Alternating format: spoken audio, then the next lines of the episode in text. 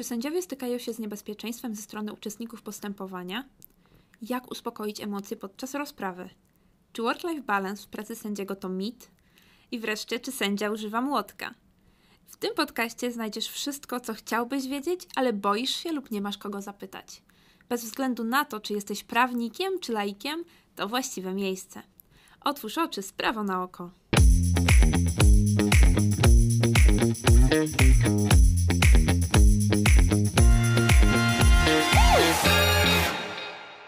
Cześć, witamy w kolejnym odcinku Prawo na Oko. Ze mną jest Małgorzata Przybylska-Lewandowska, sędzia Sądu Rejonowego w Sopocie. Cześć, dzień dobry. Witam, hej.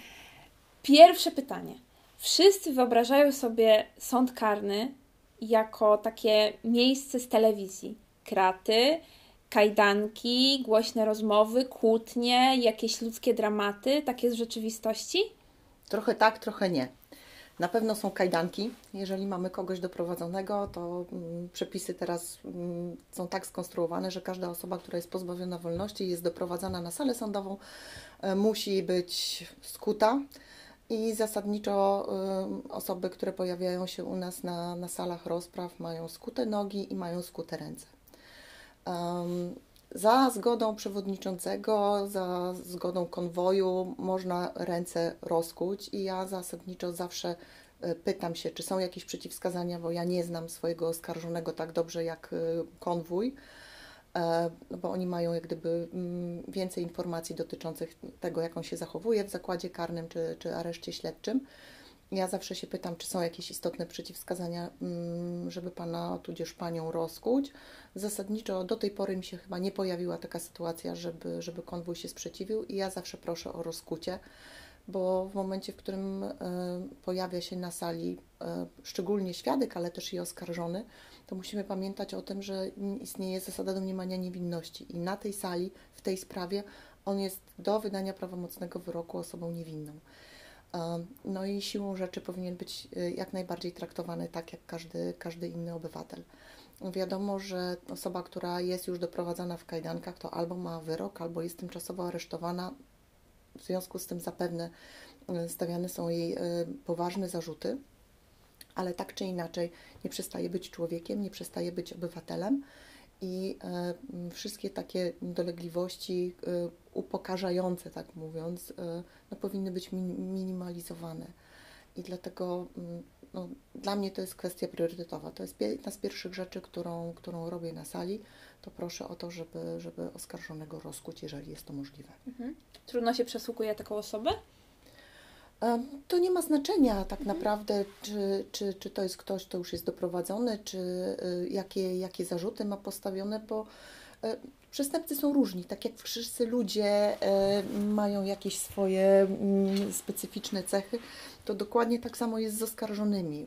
Więc są ludzie, którzy łatwo nawiązują kontakt, są tacy, którzy nie chcą rozmawiać e, z sądem, nie chcą odpowiadać na pytania, są tacy, z którymi czasem jest utrudniony kontakt ze względu na jakieś dysfunkcje, e, które, które mają, ale to trudno, trudno jest powiedzieć, mm, powiedzieć, że tak, trudno jest, albo nie, w ogóle jest łatwo. Wydaje mi się tak jak każda, każda rozmowa. No, wiadomo, że, że rozmawia sąd, sędzia z innej pozycji, tak? bo, bo ta osoba, która jest oskarżona, ale nie tylko, bo świadek też, jednak przeważnie się tego sądu jakoś boi. A więc więc no my, my rozmawiamy z pewnej pozycji siły i wydaje mi się, że, że istotne jest to, żeby żeby to nie była zbyt y, duża różnica tych poziomów, bo, bo jeżeli my rozmawiamy e, zbyt wysokiego poziomu, to mamy mniejsze szanse na to, żeby ustalić, co się faktycznie wydarzyło a istotą postępowania przed sądem jest ustalenie tego, co się tak naprawdę wydarzyło, tak? Czy doszło do popełnienia przestępstwa, czy nie? Jeżeli tak, to, to dlaczego? I po to, po to sąd, po to sędzia jest. W związku z tym powinien tak prowadzić rozprawę, żeby dowiedzieć się jak najwięcej. Mhm. No ale właśnie, bo powiedziałaś o tym, że to jest człowiek i, i, w związku z tym występują tam ludzkie dramaty, bo mówimy o sytuacjach, mhm. w których no jednak skazujemy, bądź jakby potencjalnie skazujemy osobę na karę pozbawienia wolności chociażby, e, izolację, tak? Zdarzają się takie sytuacje, w których emocje biorą górę. Oczywiście, bo to też jak gdyby zasadniczo mm, mm, znaczenie ma to, jak, o jakiej sprawie mówimy. e, bo zawsze najwięcej emocji jest w sprawach, które no, dotykają takich no, naszych naj, najważniejszych wartości, które mamy. To też wiadomo, że każdy człowiek ma, ma różne, tak? Dla jednego te pieniądze będą um, ważniejsze, że, że straci na przykład 50 tysięcy, a dla drugiego to, że dostanie po prostu w nos. Mhm. Nawet jeżeli ten nos nie zostanie złamany, to dla niego będzie to wielka obraza i będzie wielki problem ale tak statystycznie, bez badań statystycznych, ale z doświadczenia, mogę powiedzieć, że, że najwięcej emocji to budzą sprawy związane z ze znęcaniem się, ze stosunkami rodzinnymi. I wszystkie przestępstwa, niezależnie od tego, czy mówimy o groźbach, czy mówimy o jakimś oszustwie, czy doprowadzeniu na przykład do, do, do targnięcia się na swoje życie, czy właśnie o znęcaniu się, to jeżeli to dzieje się w rodzinie, wśród osób najbliższych, to zawsze wtedy jest najwięcej emocji. To, to jest taka, taka kategoria spraw, gdzie, gdzie te emocje są. Oczywiście również, jeżeli mamy do czynienia y, z kwestiami y, zgwałcenia, tak? no mhm. to to też jest kategoria, która, która na pewno budzi bardzo, bardzo dużo emocji. I co wtedy jako sędzia robisz? Bo podejrzewam, że zdarzają się sytuacje płaczu, krzyku. Tak. Y, mhm. Myślę, że, że to, to też reakcje mm, sądu, przewodniczącego składu powinny być dopasowane do tego, e, kto, kto płacze, kto krzyczy, bo czasem e, też my nie mamy jakiegoś specjalnego przygotowania psychologicznego, tak co do zasady, bo jakieś tam szkolenia próbujemy sobie sami organizować. Czasem Krajowa Szkoła Sądownictwa i Prokuratury też teraz coraz częściej jak gdyby takie, takie szkolenia miękkie się pojawiają ale no musimy popatrzeć, czy te emocje są prawdziwe, czy te emocje są udawane, czy to, czy to nie jest gra aktorska obliczona na to, żeby mm, wprowadzić y, sędziego w błąd, bo, bo tak też się zdarza. Często przy sprawach właśnie mm, rodzinnych dotyczących znęcania, kiedy mm, wytoczenie, złożenie zawiadomienia o, o znęcaniu się jest przygotowaniem do sprawy rozwodowej, tak, do tego, żeby, żeby jak najlepiej ten i najłatwiej ten rozwód poszedł, żeby orzeczono mm, rozwód z winy wyłącznej jednego ze współmałżonków, y, bo, bo, bo takie sytuacje się zdarzają. No więc musimy ocenić, czy te emocje są prawdziwe, czy nie, na tyle, na ile jesteśmy w stanie. I, I, jeżeli ktoś płacze, ktoś y, wpada w histerię, no to trzeba zrobić przerwę, zapytać się, czy, czy, czy, czy może kontynuować, czy nie, czy potrzebuje na przykład czasem psychologa, jeżeli jest jakiś problem.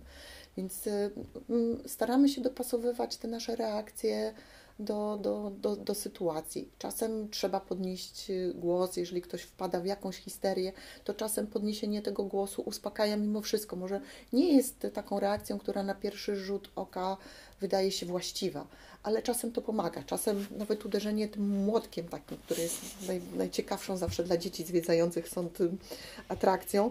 To takie e, telewizyjne trochę. Tak, to, to, to czasem to może, może pomóc, żeby uspokoić, tak? Jeżeli strony zaczynają się nadmiernie kłócić, przestają rozmawiać z sądem, a zaczynają kłócić się ze sobą, to, no to wtedy musimy reagować i, i czasem ten młotek, młotek się przydaje. Chociaż ja muszę powiedzieć, że ja pracuję najpierw jako asesor, mm, potem jako sędzia od sierpnia 2005 roku. E, I powiem szczerze, że trzy razy mi się zdarzyło użyć tego młotka. To dużo, jeżeli to były trzy razy. I na pewno ze dwa razy walnęłam ręką w stół, tak? Bo, bo, bo znaczy to moja wina, to, to mój błąd, że dopuściłam do takiej sytuacji, że, że emocje tak narosły. Natomiast no, to huknięcie pomogło, tak, jakoś tam, więc, więc no, cza, czasem, się tak, czasem się tak zdarza, ale oczywiście największą sztuką i największym, e, o, o największej klasie sędziego świadczy to, że nie musi tak e, używać młotka, że nie musi podnosić głosu, to na takiej samej zasadzie jak z nauczycielami, mhm. prawda? Ten, co, co krzyczy dużo, to, to wcale nie, nie oznacza, że potrafi utrzymać dyscyplinę, tylko raczej ten, który który mówi cicho, mówi spokojnie i mimo to mm, wszyscy go słuchają, tak? To świetne porównanie. A niebezpieczne sytuacje? Zdarzyło Ci się taki moment, w którym no, ja było mam ciężko? szczęście, że w miejscu, w którym pracuję, to mm, te, te sprawy karne, które się pojawiają, no nie, nie są, ich uczestnikami nie są jakoś tak strasznie niebezpieczne osoby.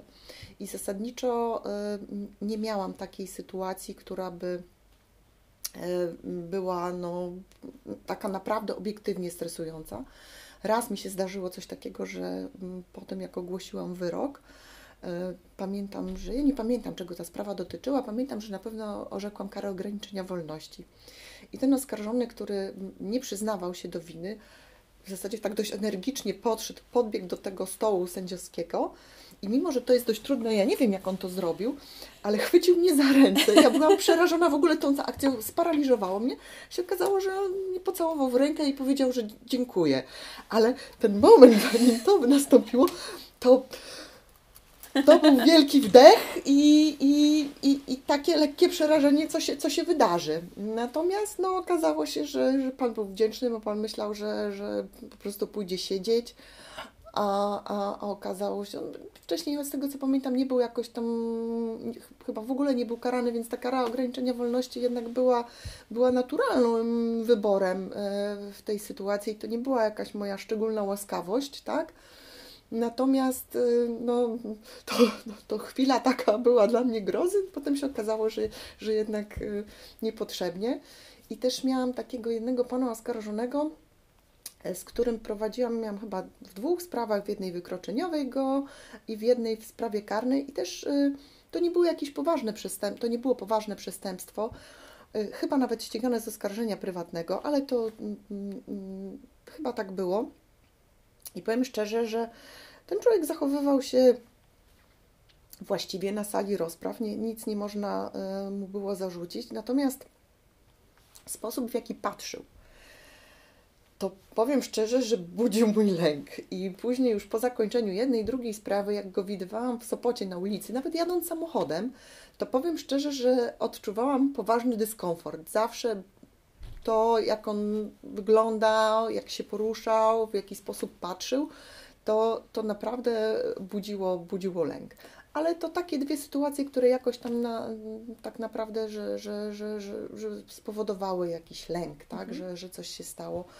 A, a tak to, to miałam szczęście odpukać, tutaj trudno znaleźć coś niemalowanego, ale, ale na tą chwilę nic takiego się nie wydarzyło. Natomiast no, moje koleżanki y, no, spotykały się, były i ofiarami gruźb i to nie tylko y, sędziowie karniści, ale, ale, ale, ale też i, i, i cywiliści.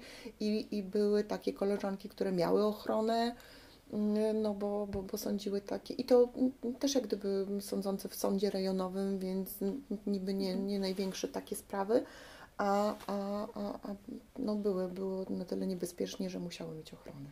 A powiedziałaś o tym, że widzisz tą osobę na ulicach Sopota. Zdarza Ci się, że, te, że osoby Cię poznają, podchodzą? Y tak, y, dlatego mm, cieszę się, że mieszkam w Gdańsku i rzadko bywam w Sopocie. E, i staram się nie, nie bywać też w miejscach, w lokalach w Sopocie, bo też kiedyś e, miałam taką sytuację, która no, potencjalnie mogłaby no, wzbudzić zainteresowanie różnych osób, bo, bo akurat świętowaliśmy jakieś tam urodziny i, i mój były chłopak jeszcze z czasów studenckich trzymał mnie na rękach i tak z dołu mój pan skazany, dzień dobry pani sędzio. No i generalnie nie było nic złego, tak? No mhm. bo to mm, ani, ani nie było mm, alkoholu, tak? Bo ja przyjechałam samochodem na tą imprezę, więc mm, tak naprawdę żadne, żadne zasady takie, które są związane z tym, że sędzia powinien się w określony sposób y, zachowywać, że powinien zachowywać się godnie, no moim zdaniem nie zostały naruszone, ale powiem szczerze, że sytuacja była dość, dość śmieszna. I to było raz. I już potem stwierdziłam, że już nigdy w życiu się nie pojawię w żadnym lokalu w Sopocie po godzinie 22.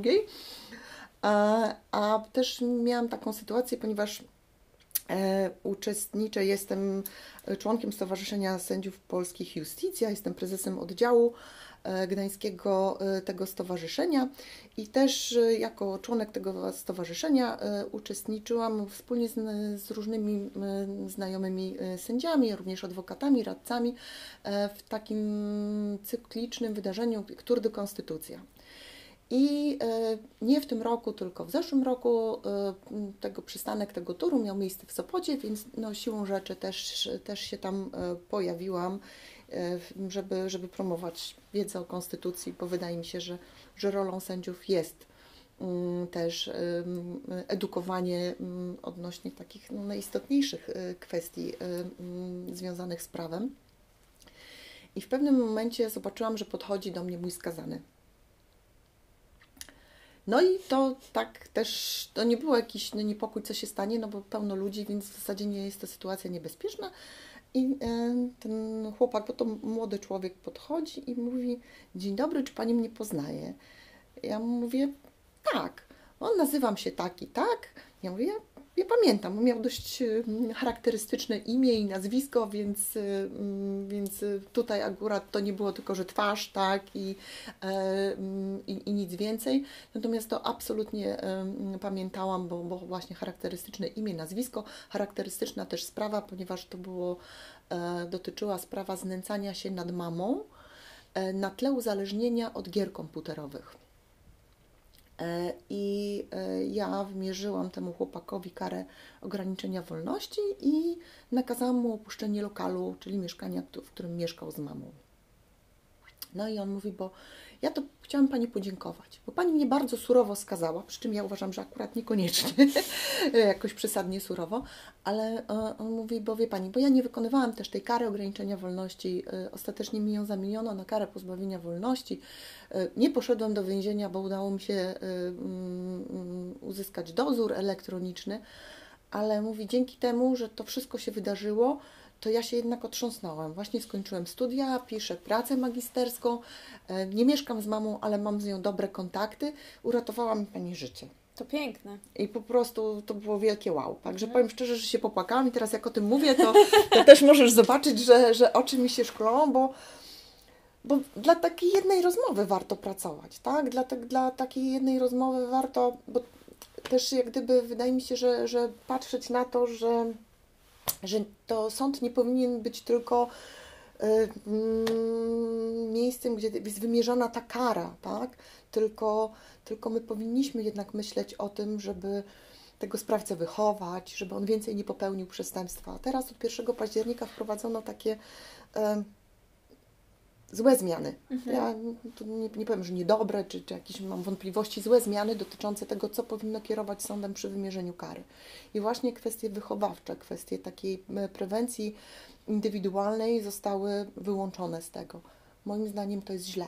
Mhm. Bo, bo doświadczenia jak gdyby no, z innych państw, cała, cała nauka związana z, mm, ze skutecznością prawa karnego, ze skutecznością reakcji państwa na przestępstwo wskazuje, że, że surowość, że wsadzanie ludzi do więzienia mhm. to, to, to, nie o to chodzi, tak? To chodzi o to, żeby oni poczuli, że zrobili coś źle, żeby poczuli, że ponieśli karę, ale że, że też y, mają szansę z tego wyjść, że, że mają szansę na jakieś inne życie. I, I na tym się powinno skupiać państwo, a nie, a nie na tym, żeby szukać metody, jak, jak y, za byle co y, wsadzać kogoś do więzienia. Mhm. A później no, też, też ostatnie lata e, doprowadziły do tego, bo myślę, że osoby, które na co dzień nie, nie, nie, nie, są związane z prawem, nie śledzą takich rzeczy, nie mają takiej świadomości, że jest na przykład fundusz pomocy postpenitencjarnej i pomocy y, pokrzywdzonym. Czyli pieniądze z tego funduszu powinny być e, przeznaczane na to, żeby jak ktoś opuszcza zakład karny, żeby mógł się odnaleźć w nowej rzeczywistości, żeby znalazł powiedzmy pracę, gdzieś tam podniósł kwalifikacje, żeby mógł wrócić do funkcjonowania w, w społeczeństwie. I z drugiej strony y, dla osób, które pokrzywdzone są przestępstwem. No i w tej chwili przez ostatnie lata, to powiem szczerze, że te pieniądze były wydawane bardzo różnie bo y, koła gospodyń wiejskich dostawały ekspresy do kawy, różne tego typu y, historie, z tego co tak mi się wydaje, że, że, że nie minę się sprawą, jak powiem, że jakieś y, wyposażenie dla ochotniczych straży pożarnych było, było z tego kupowane, natomiast ja wiem, bo przychodzą do mnie osoby pokrzywdzone przestępstwem, które mówią, że nie, nie, nie ma żadnej instytucji, albo tych instytucji jest bardzo mało, które pomagają im faktycznie uporać się z, z tymi szkodami, z tą krzywdą, która wynika z przestępstwa, a osoby, które opuszczają zakład karny, też są zdane same, same na, na siebie i, i ta jak gdyby pomoc, ale to też jest względne słowo pomoc, bo to jest jak gdyby interes społeczny, żeby oni gdzieś znaleźli pracę, żeby, żeby więcej tych przestępstw nie popełniali, też są pozostawieni sami sobie. Więc to, no, to jest takie, takie średnie, ale mówię, sąd powinien pamiętać o tym, że, że ważne jest to, żeby ten sprawca kolejny raz nie popełnił przestępstwa. My wszystkich nie zreformujemy, cała masa tych ludzi będzie popełniać kolejne przestępstwa, nie ma, nie ma wyjścia. Natomiast szczególnie jeżeli mamy do czynienia z ludźmi młodymi, jeżeli mamy do czynienia z mm, osobami, które popełniają przestępstwo, bo są na przykład zdesperowane tym, że, że państwo ich nie wspiera, tak? Bo, y, bo ktoś na przykład, jak miałam takiego pana, który miał firmę, która wynajmuje przyczepy i w krótkim okresie czasu chyba z trzecią przyczepę ktoś mu no, przywłaszczył na jego szkodę. I on w końcu poszedł i zaczął grozić tym ludziom, którzy mu.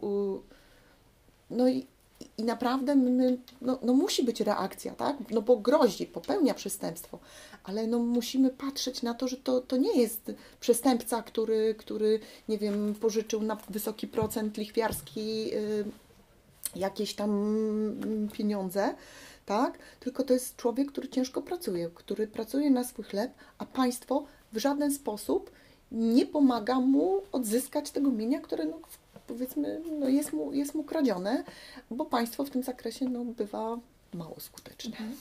A wybierając ten zawód, trochę miałaś już od początku taką misję, że będziesz to robić, bo chciałabyś coś zmienić? Dlaczego właściwie zostałaś sędzią? Chociaż to trudny kawałek chleba. No ja zostałam sędzią, bo nie wiedziałam, co mam ze sobą zrobić tak naprawdę, bo całe życie chyba od nie wiem, od, odkąd pamiętam, dla wszystkich było oczywiste, że będę lekarzem. Mhm. Dla mnie największym szczęściem było to, jak dostałam jakieś opakowania po lekach, jak chodziłam do dentysty, to w zasadzie to były super wizyty, bo zawsze mi moja pani doktor dodawała pełno opakowań różnych ampułek, dziwnych rzeczy. Najlepszym prezentem, jaki kiedykolwiek w życiu dostałam, tak jako dziecko, to mm, moja mama kiedyś z kursu w Warszawie przywiozła mi stetoskop. I to było największe szczęście po prostu, bo to były czasy takie, że no generalnie no niewiele było, bo ja się urodziłam w 75 roku. Więc e, lata 80., no to za dużo w Polsce nie było, wszystko trzeba było wywalczyć i wystać, ale te słuchawki lekarskie to było wow. Ale później, jak już byłam mniej więcej w trzeciej klasie liceum, to stwierdziłam, że chyba jednak dla mnie najważniejsze e, jest posiadanie rodziny. A stwierdziłam, że mm, zawód lekarza jest na tyle odpowiedzialny i że ja mam taką filozofię swoją życiową, która spowoduje, że ja nie będę potrafiła zostawić e, pacjentów w szpitalu, w przychodni, że ja będę myśleć o nich i że to będzie źle wpływać na, na moje życie rodzinne i że, że to nie jest dobry wybór. No i jak już e, stwierdziłam, że nie lekarz, no to pojawiła się kwestia co? I wtedy pojawiła się kwestia ochrony środowiska, chemii na Politechnice i wtedy, tak jak przy pierwszym moim wyborze, to moja mama mnie zniechęcała, że zawód lekarza jest strasznie potworny, bo miała swoje doświadczenia. E, potem, jak pomyślałam, że Politechnika, właśnie chemia, ochrona środowiska, to mój tata, magister inżynier budowy okrętów, stwierdził, że mm, no nie, dziecko, to w ogóle jest szczyt głupoty i, i broń Boże. No więc dalej szukałam. Tak naprawdę do niczego nie byłam przekonana, więc stwierdziłam, że, że może bym została dziennikarzem, ale dziennikarstwo znowu to też tak mi się wydawało, że nie wiadomo, czy mi się odwiedzi, czy nie. Wtedy myślałam socjologia, prawo. Doszłam do wniosku, że po prawie można najwięcej robić i absolutnie wtedy nie myślałam o tym, żeby być sędzią, adwokatem, radcą, komornikiem czy, czy cokolwiek, tylko stwierdziłam, że to jest taki kierunek, który dużo drzwi otwiera niewiele zamyka. No wiadomo, że już ludzi leczyć nie będę, ale, ale daje dużo możliwości. I powiem szczerze, że w ogóle pomysł na to, że może, może jakiś zawód taki prawniczy, czyli tam, czy, czy radcostwo, adwokatura, czy, czy, czy, czy bycie sędzią, to dopiero chyba po trzecim roku studiów, kiedy trafiłam na praktyki do sądu rodzinnego w Gdyni. I tam stwierdziłam, że tak, że będę sędzią. Potem mi się to odwidziało i po piątym roku stwierdziłam, że absolutnie nie. I nie, nie będę ani, ani startować na aplikację radcowską, ani na adwokacką. Tym bardziej, że wtedy to było bardzo trudne, żeby się dostać, bo tam e, wiem, że moi koledzy adwokaci starsi może będą polemizować ze mną, ale no, dzieciom, znaczy ludziom, którzy nie byli dziećmi adwokatami, którzy nie mieli rodzin w adwokaturze czy, czy wśród radców, naprawdę było bardzo trudno się tam dostać. No ale nawet stwierdziłam, że aplikacja sędziowska też nie. Akurat w, byłam w takim momencie też mojego związku, kiedy stwierdziłam, że chyba pora się rozstać i że lepiej się wynieść z Trójmiasta, żeby nie natykać się na mojego ówczesnego chłopaka, który też był na prawie, no bo będziemy się spotykać i stwierdziłam, że jest aplikacja sejmowa i że może to. No więc moim rodzicom nie mówiłam, bo oni oczywiście liczyli, że jak już jestem, to że już myśleli o tej sędziowskiej, no bo to było najbardziej realne. No więc ja po cichu mówiłam, że się uczę i faktycznie się uczyłam tam to, co było na tą aplikację sejmową bardziej wymagane, bo więc były kwestie konstytucyjne, kwestie jakiegoś tam prawa międzynarodowego, kwestie prawa związanego z Unią Europejską, bo to jeszcze wtedy nie byliśmy, ale to jak gdyby już w tym kierunku zmierzaliśmy. więc, więc to, to faktycznie tego się uczyłam. Oprócz tego grałam w moją ulubioną grę, którą do tej pory też mi się zdarza grać, jak mam doła. To już jest stare strasznie, ale, ale jak rodziców nie było w domu, to, to grałam. Wydawało mi się, że, że wystarczy ten czas, kiedy będę się uczyć, jak oni są w domu, żeby widzieli, że się uczę. No i po dwóch miesiącach przeszło mi. No już nie chciałam się rozstawać ani z moim e, ówczesnym chłopakiem, który jest do tej pory moim, znaczy który stał się moim mężem i do tej pory moim mężem jest. Czyli spotykacie się. tak, spotykamy się. E, I to, to on, i już stwierdziłam, że jednak nie chcę wyjeżdżać z Gdańska, że chciałabym na tą aplikację sędziowską się dostać. No ale to już było za późno, bo jednak, żeby się dostać na tą aplikację, teraz jest bardzo, bardzo trudno, jak ona się odbywa w Krakowie, w Krajowej Szkole Sądownictwa i prokuratury. Natomiast wtedy też było się trudno dostać, bo no, wszyscy, którzy nie mieli szans na to, żeby dostać się na te aplikacje korporacyjne, no to starali się na tą sędziowską i, i naprawdę było bardzo trudno. No więc się nie udało za pierwszym razem. Ale za to, w związku z tym, że już nie chciałam być w Warszawie i zupełnie mi nie zależało, to chyba na pierwszym miejscu, jeżeli chodzi o pisemne egzaminy, o test i pisemny egzamin, dostałam się na tą aplikację sejmową. I tam można było sobie wybrać biuro, w którym się chciało. No ja nie dostałam się tam, gdzie chciałam, bo też, no jak gdyby tam róż, różne historie się po drodze wydarzyły. Pracowałam w Biurze Stosunków Międzyparlamentarnych i no, Kancelarii Sejmu i, yy, i robiłam tą aplikację sejmową. I jednocześnie wtedy już po godzinach to się uczyłam, bo zależało mi na tym, żeby się jednak do Gdańska na tą aplikację sądową dostać. I mimo, że później dostałam propozycję, żeby jednak zostać dalej, pracować w kancelarii Sejmu, że proponowano mi jakieś staże w instytucjach unijnych, że, że no, byli ze mnie zadowoleni, to ja stwierdziłam, że sorry, ale nie. No i tym bardziej, jak już się okazało, że dostałam się na aplikację sędziowską, dostałam się na aplikację. Na początku to nie, ale było wiadomo, że w perspektywie nawet dostanę etat, że no, mhm. wtedy normalną umowę o pracę się dostawało w sądzie. No to podziękowałam za, za pracę w kancelarii Sejmu i, i wróciłam do Gdańska i, i, i zrobiłam tą aplikację, skończyłam. Mhm. I wyszłam za tego niechcianego. Czyli wszystko się dobrze skończyło. No, ale myślę, że najlepiej jak mogło. Ale zaciekawiło mnie też to, że powiedziałaś, że nie, nie, nie zostałaś lekarzem, bo ba- ważna była dla Ciebie rodzina, czyli w zawodzie sędziego to miejsce na rodzinę i zachowanie work-life balance jest. E, myślę, że to też zależy od miejsca, gdzie się jest i od podejścia. Mhm. E, ja myślę, że miałam e, szczęście, jeżeli chodzi o miejsca pracy, e, mm, bo ja aplikację zaczynałam, znaczy aplika asesurę zaczynałam i skończyłam w sądzie rejonowym w Starogardzie Gdańskim, który był cudownym miejscem i gdzie spotkałam wspaniałych ludzi.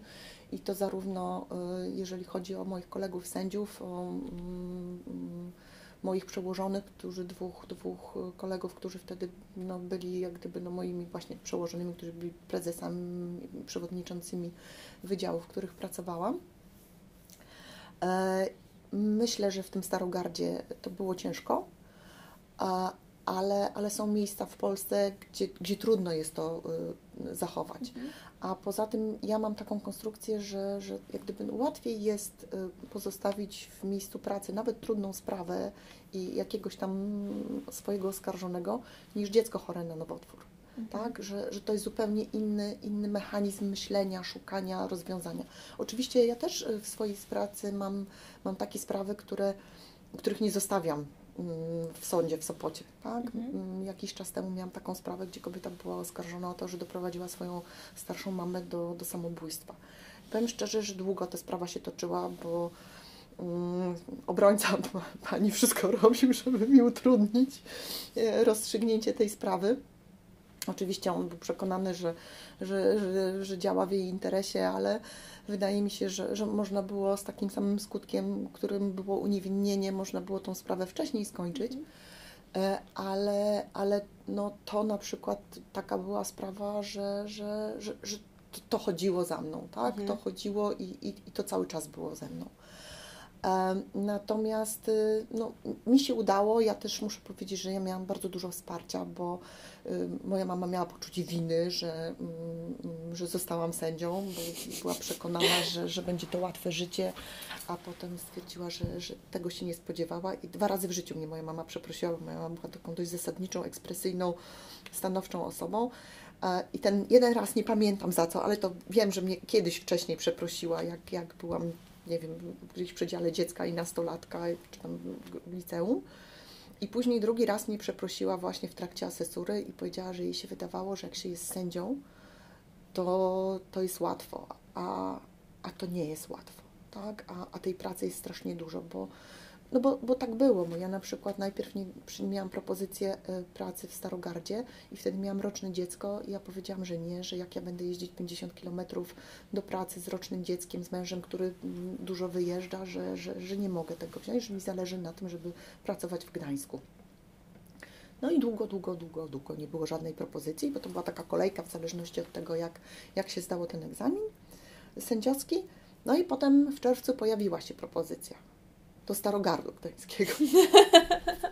No i ja już wiedziałam, że trzeciej może nie być, tak? Bo jeszcze teoretycznie były trzy, ale, ale nie. Tylko, że okazało się później, jak już powiedziałam, że tak, że wezmę, to nie minęło, nie wiem, tydzień, 10 dni się okazało, że jest nie to, że mam dziecko, które jest troszkę więcej niż roczne, bo wtedy w czerwcu to mój syn miał rok i 4 miesiące, ale się okazało, że jeszcze jestem w ciąży i to zagrożonej, bo, mm, bo za szybko mm, zaszłam w ciążę po, po, po, po tym pierwszym. No i jeździłam do Starogardu Gdańskiego od 1 sierpnia 2005 roku do 21 grudnia, narażając się na bardzo ym, niewybredne komentarze mojego ginekologa, który po prostu nie mógł tego zrozumieć, krzyczał na mnie, a też był taką dość zasadniczą osobą i w końcu w grudniu mi powiedział, że albo się mm, zdecyduję pójść na zwolnienie, albo mam zmienić lekarza bo mówi wszystko fajnie, ale mówi jak pani zacznie rodzić w Starogardzie to pół biedy, gorzej jak pani zacznie rodzić w trąbkach. No i mnie przekonał. E, No ale w czerwcu już, już wróciłam do pracy, mm, no bo była kwestia, tam były wątpliwości co do tego, jak to trzeba było określoną liczbę dni wysądzić jako asesor, żeby zostać sędzią. I potem był problem, czy nie będzie za mało, a wtedy urlop macierzyński trwał 16 tygodni, nie teraz jak praktycznie jest rok, to zupełnie inny komfort. Nawet urlopu wypoczynkowego po tym urlopie macierzyńskim nie wzięłam. I, i wróciłam do pracy, bo też miałam jak gdyby, powiem szczerze, takie wyrzuty sumienia wobec kolegów, że czekają, cieszą, bo to zawsze był kłopot z obsadzaniem tych, tych stanowisk i no to siłą rzeczy inni jak gdyby mają więcej pracy. I to takie też było stresujące, jak moja pierwsza rozmowa z prezesem, jak przyszło mi, dzień dobry, jestem w ciąży. No myślę, że to nie jest dobry początek, szczególnie jak gdyby myślę, że dla, dla kobiet też jest problem, że przychodzi no, obcemu facetowi coś takiego. Tak. Znaczy, ja to powiedziałam, bo wydawało mi się, że no, no muszę być lojalna, tak, y, w tej sytuacji, ale reakcja, z którą się spotkałam, była cudowna bo miałam dwóch, jak gdyby dwóch przewodniczących wydziału, obaj byli y, y, mężczyznami, jednocześnie byli wiceprezesami tego sądu. I jeden powiedział, no, no, no najważniejsze, żeby zdrowo było. A no więc tutaj to był prezes sądu, więc było widać, że bardziej jest trochę zdenerwowany tą sytuacją. Natomiast e, drugi z kolegów mówi, o to super, bo wiesz, bo ja mam trójkę dzieci, to jest naprawdę ekstra. Także myślę, że, że, że mm, każda, każda dziewczyna, która, która jest w takiej sytuacji, to, to może sobie wymarzyć, tak? Mhm. Coś takiego i, i, i też y, moi koledzy też, też byli bardzo pozytywnie nastawieni do tego. E, zawsze mi wspierali, bo na przykład z pracą e, w małym sądzie wiąże się to, że w zasadzie wszyscy mają dyżury aresztowe. Tak. No więc e, pojechanie do Sopotu na dyżur aresztowy nie jest takim problemem, ale zimą na, mm, do Starogardu Gdańskiego już bywa różnie. Teraz byłoby to niemożliwe, ponieważ system losowania jest dość sformalizowany w kwestii dyżurów. Kiedyś było jak gdyby prościej więc moi koledzy za moimi plecami zakazywali prokuratorom informowania, jak ja miałam dyżur, na przykład właśnie zimą, informowania, że jest sprawa, tylko miałam tak kolegów, którzy byli w Starogardzie i oni sobie dyżurowali, kto za mnie weźmie, Super. kto weźmie mój dyżur, tak, żeby, mhm. no bo wiadomo było, że no ja mam no, dwójkę małych dzieci mm, i, i, i czasem no, jest tym kłopot, więc no, to też nie, nie było jakieś tam nagminy, natomiast no, zdarzało się, że, że ze, ze trzy razy nie musiałam jechać do tego Starogardu, bo, bo któreś z nich y, ten dyżur aresztowy y, wzięło za mnie i, i rozstrzygnęło tą sprawę. To Także wymarzona sytuacja. Naprawdę, trochę. dlatego mówię, to, to wszystko zależy, to, to jak gdyby od czego wyszliśmy, od tego, czy, czy można zachować równowagę między, między życiem zawodowym a, a prywatnym, to zależy od środowiska, to za, nie tylko zależy od charakteru pracy, ale też zależy od tego, z kim pracujesz, jakich mhm. masz ludzi wokół siebie.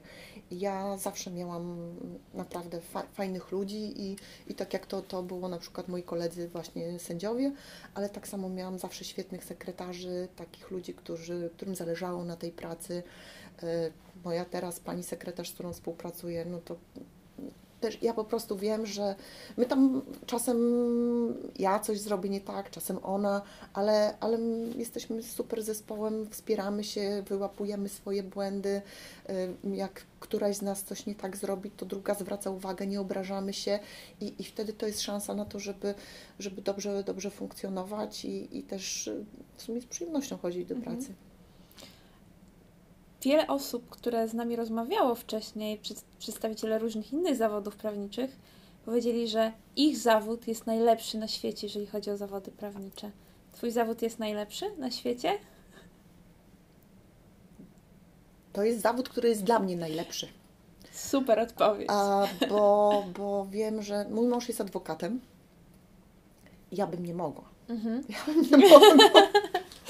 I to nie jest kwestia, jak gdyby, bo, bo zawsze też na przykład często mm, pytanie, które mm, do niego pada, jak on się czuje, jak on ma na przykład bronić gwałciciela, mhm. czy, czy, czy coś takiego. No, każdy ma prawo do obrony, tak? Ja jestem od tego, żeby to zagwarantować. Ale ja bym nie chciała. Mhm. E, ja bym nie chciała, mi by było trudno. E, ja wiem, że, że jemu też jest trudno, tak? W, nie, w, w, niektórych, w niektórych sytuacjach i to, to, to nie jest lekkie ale dla mnie, dla mnie to byłby kłopot. Poza tym e, też jak gdyby człowiek się stara w takim zawodzie, na przykład no to adwokat, radca prawny, starasz się zrobić wszystko jak najwięcej, i potem przychodzi ten twój klient i wszystko rujnuje po prostu. Jednym słowem, czy, czy czymś, bo, bo, bo, bo, bo, bo jest bezmyślny, tak? I, i, i, i, i trudno było później kwestia jeszcze wynagrodzenia, więc ja mam komfort. Moje wynagrodzenie, jakkolwiek przez ostatnie trzy lata było moim zdaniem bezprawnie ograniczane, ale ono jest wypłacane w takim czy, czy innym wymiarze, mm, więc nie muszę się o to martwić. Y, jakieś mm, warunki do wykonywania pracy są mi zapewniane, więc tym też się nie muszę martwić, a pracując w Sopocie mam, mam naprawdę dobre warunki, takie no, odpowiadające wadze tej pracy, którą, którą wykonuję. Także to jest to komfort, tak. A, a mówię, a dodatkowo jeszcze gdyby w sytuacji, w której ma się wsparcie i rodziny, jakoś tam przyjaciół, no to wtedy można z przyjemnością ten zawód wykonywać. Ja bardzo dziękuję za to, bo odsłoniłaś bardzo dużo zasłon i kurtyn e, tego zawodu. Bardzo dziękuję za rozmowę. Mam nadzieję, że jeszcze się spotkamy i pogadamy o tym. Dzięki. Bardzo dziękuję. Ja zapraszam też do odsłuchania poprzednich i kolejnych odcinków Prawo na Oko.